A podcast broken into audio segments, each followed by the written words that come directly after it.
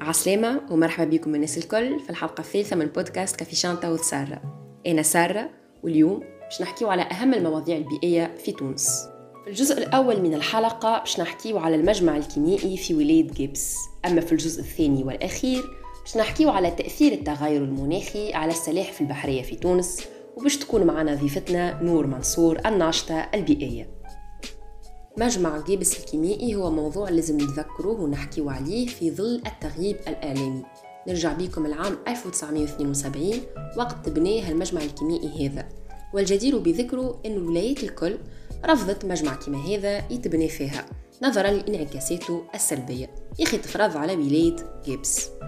بالطبيعة من الأول بالكل وكما أي مشروع فرحوا الناس بيه خاطروا باش يوفر بزايد مواطن شغل. ولكن من اللي كان نعمة ولا نقمة؟ خاطروا ضرب الزراعة والصيد البحري نظرا للتلوث الهوائي والفضلات الكيميائية اللي يرميوها في البحر. ملي كانوا الناس فرحانين بالمشروع هذايا صبحوا بطالة خاطر العباد تعيش وتاكل من الفلاحة والصيد البحري. المجمع الكيميائي تسبب زادة في أمراض سرطانية جراثيم في النخاع الشوكي إعاقات حالات إجهاض أمراض جلدية وأمراض الجهاز التنفسي.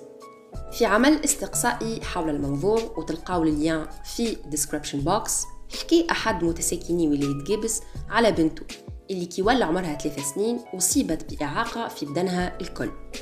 المجمع الكيميائي في جيبس صارت عليه برشا مظاهرات وحملات وندد النشطاء في المجتمع المدني بجيبس بضرورة أنه نلقاو حل للمشكلة هذية وفما حتى شكون وصل توقف في المظاهرات اللي خرجت في جيبس وتوا باش نخليكم مع اكستخي اخترته لكم من عند نواد فيديو بعنوان من يضع حدا لنصف قرن من التلوث. كانت هذه وقالوا نقولوا قبل قابس والشط وغنوش. كانت تمول في قابس وصفقس حتى مطماطم. عندك الشط عندك شنني وعندك غنوش. تمول قابس وصفاقس ونزل في تونس طماطم يعني قعدنا واحد قابس تنجم تقولي فيها الغول هذاك تلك أنا هذا مسميه بني إسرائيل. خرجني كما خرج الفلسطينيين 47 وعمل لهم جدار. وإحنا عمل لنا جدار. أنا الطفولة نتاعنا حلمي باش نجي أنا ومنيت نجي قدام حتى بدارنا ونقعمس وخرجنا منهم كما خرج بني إسرائيل حتى فرانك وحتى خوم وحتى فرانك مارينح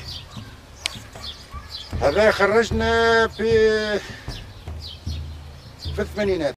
في الجزء الثاني من الحلقة باش نستضيف معايا نور منصور المهتمة بالشأن البيئي وعضوة في WWF نور؟ اليوم جات باش تحكي لنا على مدى تأثير التغير المناخي في السلاحف البحرية سواء في العالم أو في تونس. هو موضوع في غاية الأهمية بالرغم بالطبيعة من التغيب الإعلامي. نور باش تجاوبنا على أسئلتنا الكل في ال session Q&A عسلامة اسمي نور منصور طالبة ماجستير بحث في التصرف في المياه ولكني أيضا ناشطة بيئية في المجتمع المدني ومن المهتمين بحماية السلاحف البحرية في تونس وتوعية الناس عليها. بالطبيعة اللي قاعد يسمع فينا نور راهو يتساءل شنو علاقة مسألة تراجع عدد السلاحف البحرية بمسألة التغير المناخي.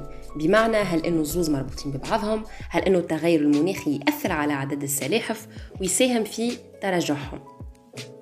السلاحف البحرية هو من الكائنات اللي موجودين من عهد الديناصورات وهما زادة من الكائنات اللي نجمت تنجو حتى ليومنا هذا. في العالم عنا سبع أنواع سلاحف بحرية. أغلبهم مهددين بالانقراض بنسب متفاوتة.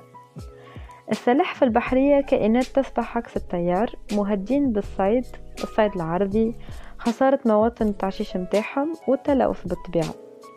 وتوا قاعدين يواجهوا في تحديات جديدة سببها التغيرات المناخية. باش نتبعوا السلاحف وطرق عيشة برشا أبحاث تعتمد على ربط السلاحف بتقنيات satellite.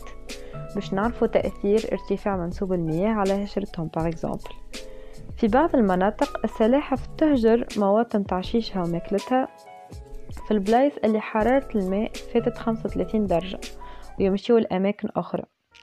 الطرق والأبحاث هذه تخلينا نحط فرضية اللي السلاحف في عدة مناطق من العالم تعيش نفس الحالة وتضطر إلى ترك مناطقها. مش هذا بركة ما فما un phénomène اللي اسمه sable brûlant وإلا نسميوه زادا le réchauffement des plages الفكارن ال juvéniles اللي هما صغار وما وصلوش لل maturité sexuelle متاعهم يتعرضوا لعديد من المفترسين من أول ما يبدأوا رحلتهم في الحياة يعني من يخرجوا من العش حتى كشي يوصلوا للشط. ولكن التغيرات المناخية تنجم تفسد ليكيليبر ناتوريل كيفاش؟ جنس السلاحف البحرية مربوط بالحرارة الموجودة في العش كيف تطلع السخانة برشا؟ بتأثر على جنس البويضات ويوصل يولي عنا أناثي أكثر من الذكور. وهذا يهدد وجود ال espèce أي النوع نوع السلحفاة واستمراريتها. وهذا اللي قاعدين نعيشوا فيه توا. يعني أكثر آه، أكثر des femelles par rapport des mâles التغيرات المناخية زادت تأثر في الوسط البحري وتعمل اختلال في توازن البيئة البحرية. وبالتالي اختلال في النظام الغذائي للسلاحف وبعض السلاحف ما عادش يلقاو ما ياكلوا ويموتوا بالجوع وغيره من المشاكل. بعد ما حكيت لنا على وضعية السلاحف البحرية المزرية حول العالم كيفاش وضعيتهم في تونس؟ هل هي خير وإلا أتعس؟ ناشطة مع مختلف الجمعيات قمت بعديد الحملات وديما تحكي على المسألة البيئية على موجات إذاعة الشباب. نور شنو قاعدة تعمل اليوم باش تحد من الأزمة؟ كيف ما قلت في العالم عنا سبع أنواع متاع سلاحف. منهم ثلاثة أنواع سلاحف بحرية يجيو لتونس. سلحفاة ضخمة الرأس Caretta caretta سلحفاة خضراء وسلحفاة جلدية الظهر tortue luth سلحفاة Caretta caretta هي أكثر سلحفاة تعشش في تونس وأكثر موقع تعشيش متاعها هو جزر قوريا. السلحفاة الخضراء تجي لتونس وتعشش لكن بطريقة تخي وسلحفاة جلدية الظهر tortue luth هي تجينا juste تاكل في المياه الإقليمية متاعنا وتمشي على روحها. البلاد التونسية هي من البلدان الرائدة في مجال حماية السلاحف البحرية رغم أنه نعيش في نفس ال crise environnementale كيف العالم الكل ولكن سعد دولتنا أنه تكون متطورة ومواكبة المجال هذا وبعثت un réseau national d'échouage عام 2004 ومنه جاء مركز دراسة ورعاية السلاحف البحرية اللي هو التابع للمعهد الوطني لعلوم وتكنولوجيات البحار. المركز هذا موجود في ولاية المنستير وهو الوحيد في شمال إفريقيا. موجود لمعالجة السلاحف ورعايتها ويقوم بالأبحاث عليها. متكون من أطباء بيطريين وعلماء وباحثين في المجال هذا. إلى جانب الدولة عنا المجتمع المدني اللي يقوم بخدمة هائلة على رأسهم جمعية أزرقنا الكبير نوتخ غران بلو. اللي هي جمعية بازي في ولاية المنستير تخدم على المحافظة على السلاحف البحرية في جزر قوريا. أه... En parlant du Notre Grand Bleu السنة في موسم تعشيش السنة 2719 صغير سلحفاة بحرية وصلوا للشط بأمان وهو العدد الأعلى خلال السنوات الأربعة الفارطة. السنة نجموا إنهم يرقموا أربعة وأربعين عش سلحفاة بحرية في جزر قوريا. أعشاش صار لهم متابعة دقيقة من, من قبل متطوعين ومختصين في الجمعية 17 عش في قوريا الصغيرة و 27 عش في قوريا الكبيرة زاد كيف كيف؟ 15 إناث سلاحف تم ترقيمهم أثناء وضع البيض. عملية الترقيم مهمة برشا باش نعرفوا la destination نتاع السلحفات باش نتابعوا السلحفات ونعرفوها وين تمشي.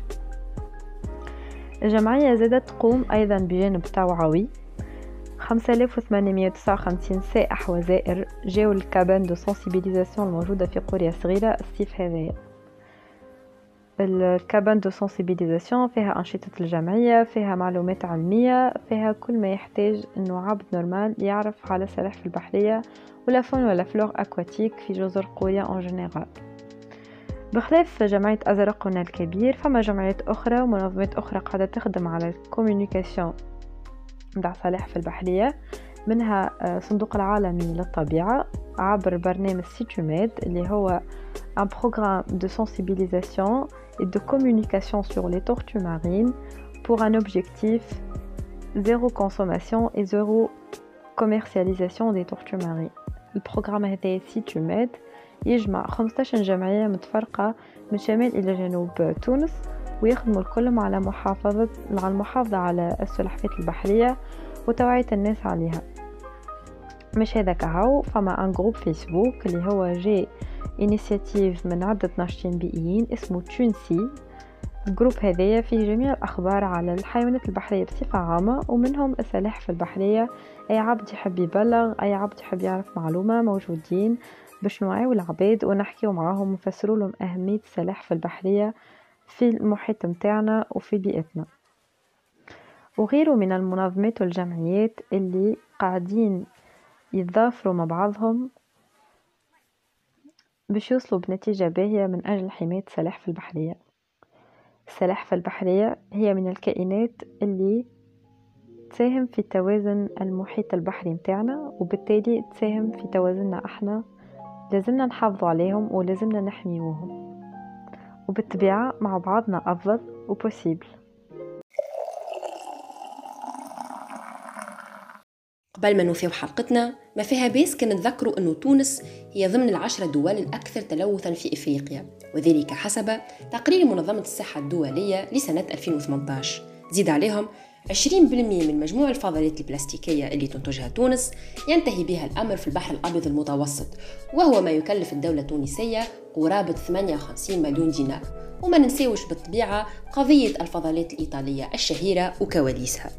وهذه كانت الحلقة الثالثة من بودكاست كافي شانتا والسارة حلقة اخترت أني نحكي لكم فيها على أهم المواضيع البيئية في تونس من المجمع الكيميائي في جيبس إلى مدى تأثير التغير المناخي على السلاحف البحرية مع ضيفتي نور منصور. استنوني في الحلقة الجاية مع ضيوف جدد ومواضيع جديدة. كونوا على الموعد ردوا بالكم على رواحكم وعلى العزيز عليكم. إلبسوا ال masque و stay safe